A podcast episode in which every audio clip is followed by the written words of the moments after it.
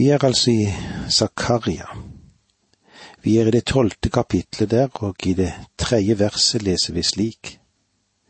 Den dagen skal det skje at jeg gjør Jerusalem til, et, til en løftestein for alle folkeslag. Hver den som prøver å løfte den, skal bare rive seg opp. Men alle jordens folkeslag skal samle seg mot byen. Den dagen skal det skje at jeg gjør Jerusalem til en løftestein for alle folkeslag. Det virker noe merkelig, dette, ikke sant? Jerusalem er et ganske isolert sted, en gammel by, ikke så veldig attraktiv på alle felter. På tross av at det finnes så mange steder der som er hellige, og som er meningsfylte for oss, så vet jeg at mange plasser er mye vakrere rent estetisk. Men det er vel slik mange liker Jerusalem.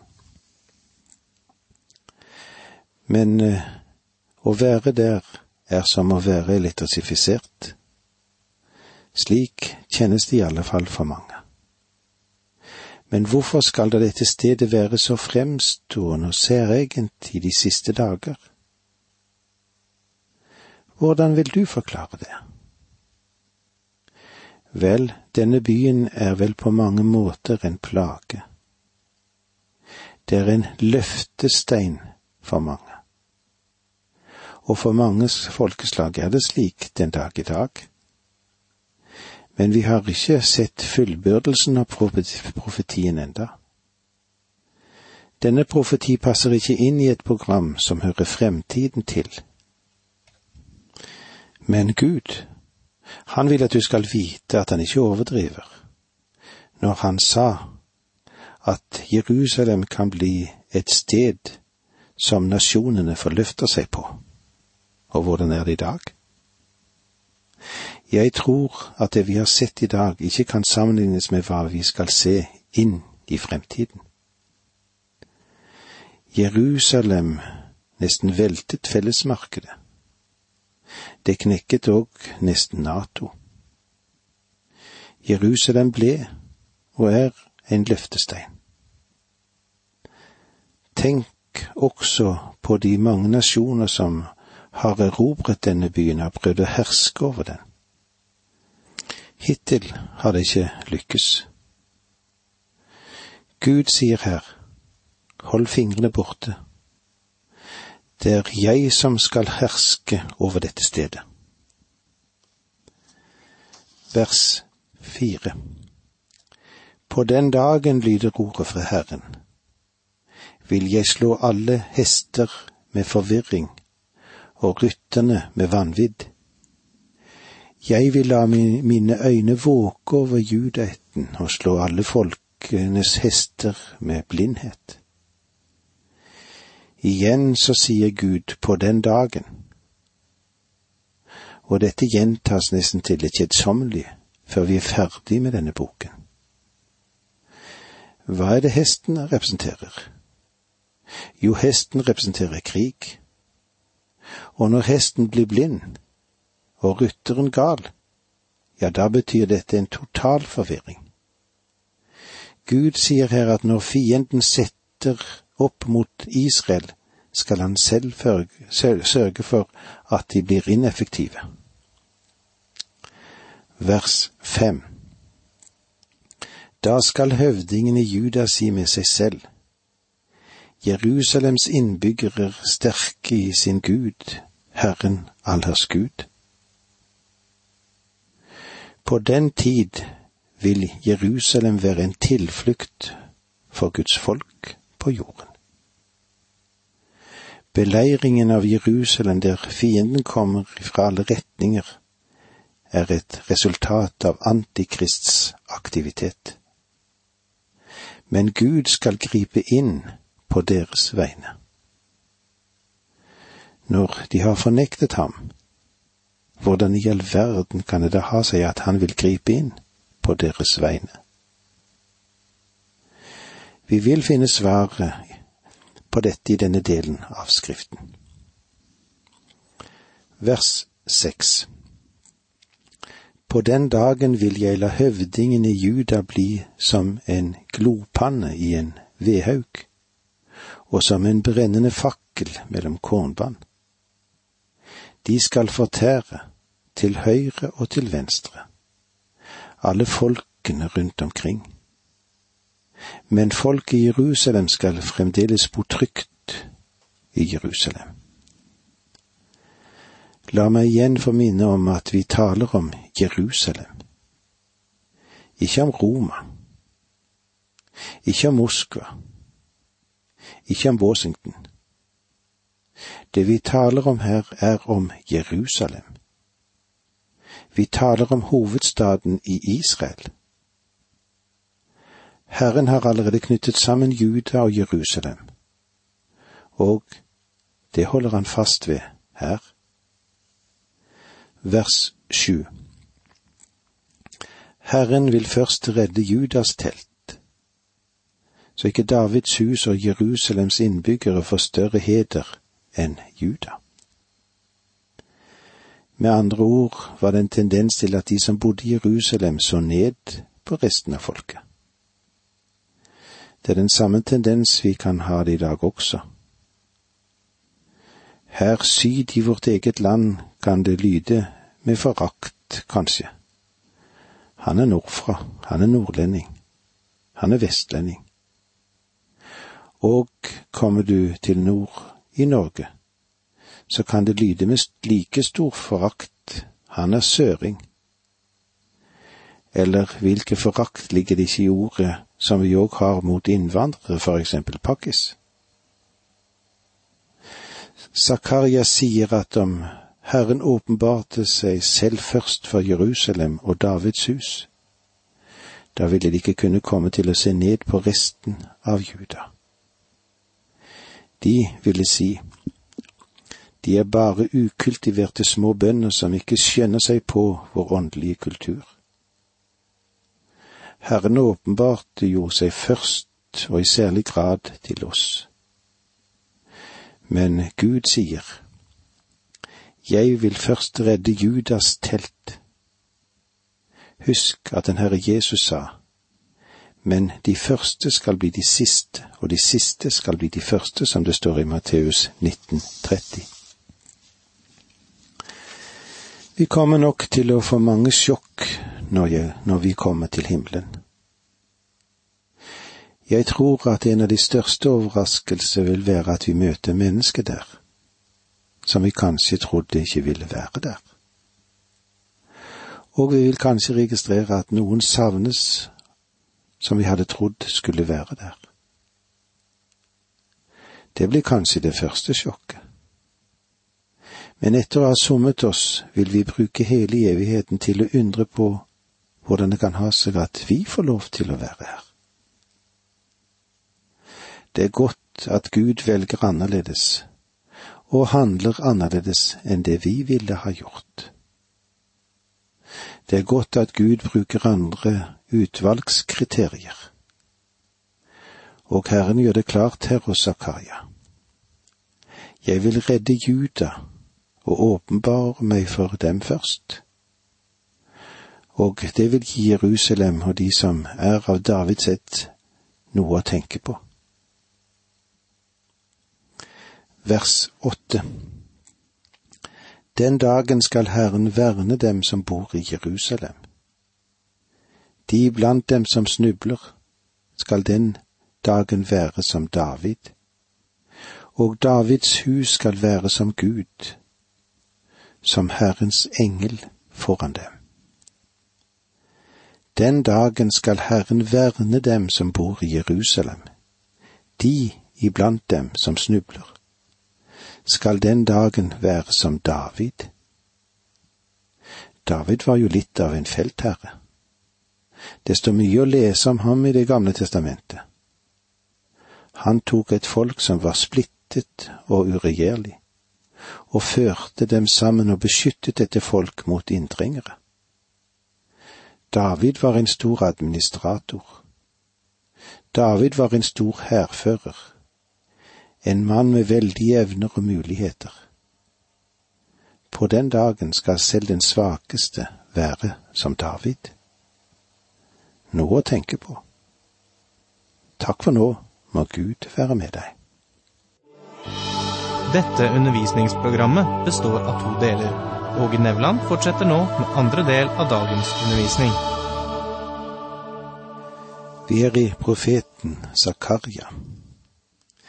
Vi er i det tolvte kapitlet der, og vi vil se hvordan det er med Jerusalem som blir omringet og befridd.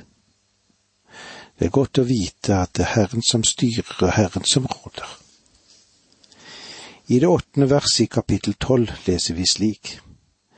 Den dagen skal Herren verne dem som bor i Jerusalem. De blant dem som snubler, skal den dagen være som David, og Davids hus skal være som Gud, som Herrens engel foran dem. Og Davids hus skal være som Gud. For meg er dette et av de mest fengslende uttrykk som vi har i Bibelen. Og Davids hus skal være som Gud. David skal være lik Gud. Jeg vil at du skal vite at det kom en fra Davids ett som er Gud. David skal bli som Gud, og denne ene, Jesus Kristus, som var født av Maria i Davids ett, var født i Betlehem. Maria dro dit for å komme med i manntallet fordi hun tilhørte Davids ett. Og Josef måtte også la seg manntallsføre, for han tilhørte også den samme slekt. Men han hadde ikke noe å gjøre med Jesu Kristi fødsel. De dro til Betlehem, og Jesus ble født inn i Davids familie. Og Matteus han skriver det slik i sitt første vers i det første kapitlet der. Dette er ettertavlen til Jesus Kristus, Davids sønn. Og det er slik Det nye testamentet åpner. At han er Davids sønn det er det første som nevnes. Han er også Abrahams sønn. Men David ble nevnt først. Og Davids hus skal være som Gud. Vers 9 kapittel 12 Den dagen skal det skje at jeg prøver å gjøre ende på alle de folk som kommer imot Jerusalem. Alle verdens nasjoner skal vende seg mot Jerusalem, noe som vi kommer til å møte mer detaljert når vi kommer til åpenbaringsboken. Alle disse mektige profetiene er som fly som kommer inn for landing på samme flyplass. Alle disse store profetiske temaer er, som er dukket opp andre steder i Bibelen, smelter sammen eller føres sammen i åpenbaringsboken som et sentralt landingssted. Fienden utenfra kommer settende mot Jerusalem på den dag. Hvorfor vil Gud beskytte dem, og hvorfor vil Han utfri dem? Årsaken får vi til dette i det tiende verset. Men over Davids hus og over innbyggene i Jerusalem utøser jeg en nådens og bønnens ånd. Da skal de se på meg, på ham som de har gjennombåret, og sørge over ham like som en sørger over sin eneste sønn, og klage bittert over ham like som en holder klage over den førstefødte. Men over Davids hus og over innbyggeren i Jerusalem utøser jeg en nådens og bønnens ånd. Dette er enda en grunn til at jeg ikke tror at den nåværende tilbakevending til landet er en sluttføring av profetiene i Bibelen. Bibelen gjør det klart, ikke bare her, men også hos Joel, at Gud vil øse over dem nådens ånd, det vil si utøse over dem Den hellige ånd. Han skal utøse sin hellige ånd over dem i denne perioden. Og på grunn av denne uttømmingen av Den hellige ånd som vil komme over dem, skal de være hans vitner. Og han skal beskytte dem under den store trengselsperioden som de går inn i. Åpenbaringsboken taler om engelen som beseiler dette folket. Det kan vi se i det syvende kapittelet i åpenbaringsboken, vers fire. Og jeg hørte tallet på dem som hadde fått seilet. Det var 144 000 fra alle stammene i Israels folk. Disse 144 000 betyr de mennesker som vi vet er israelere, og som lever i landet.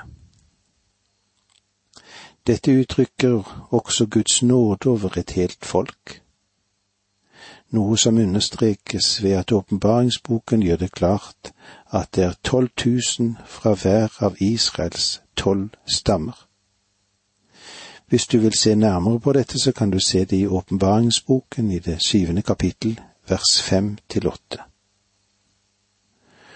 Om du påstår at du er en av de 44 000, så betyr det at du i dag er ufrelst, og, at om, og om at bortrykkelsen fant sted nå, ville du ikke forlate jorden, men du ville gå inn i den store trengselsperioden, da disse menneskene skal bli beseglet.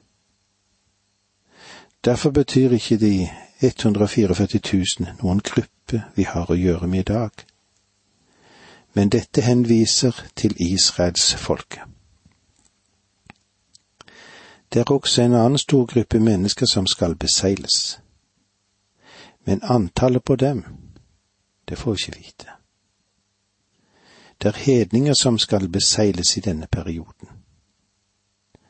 De skal gå gjennom den store trengsel og de skal stå for Gud ved denne tid. Når menigheten hentes hjem fra jorden, forlater ikke Den hellige ånd jorden slik iallfall jeg forstår Bibelen. Da vender han tilbake til den funksjon han hadde før pinsedag. Det vil si han vil komme over visse mennesker. Zakaria forteller oss at det skal være en utgytelse av ånden over den rest som skal være igjen i landet. Og kanskje en kan tro at det er oppfylt etter at Israel ble ett folk i 1948 og frem til denne dag. Når Ånden blir utøst over dem, da skal de erkjenne Kristus som sin frelser. Da skal de se på meg, på ham som de har gjennombåret, og sørge over ham like som en sørger over sin eneste sønn, og klage bittert over ham like som en holder klage over den førstefødte. Dette vil være fullbyrdelsen av den store forsoningsdagen, da de skal se ham og se hen til ham.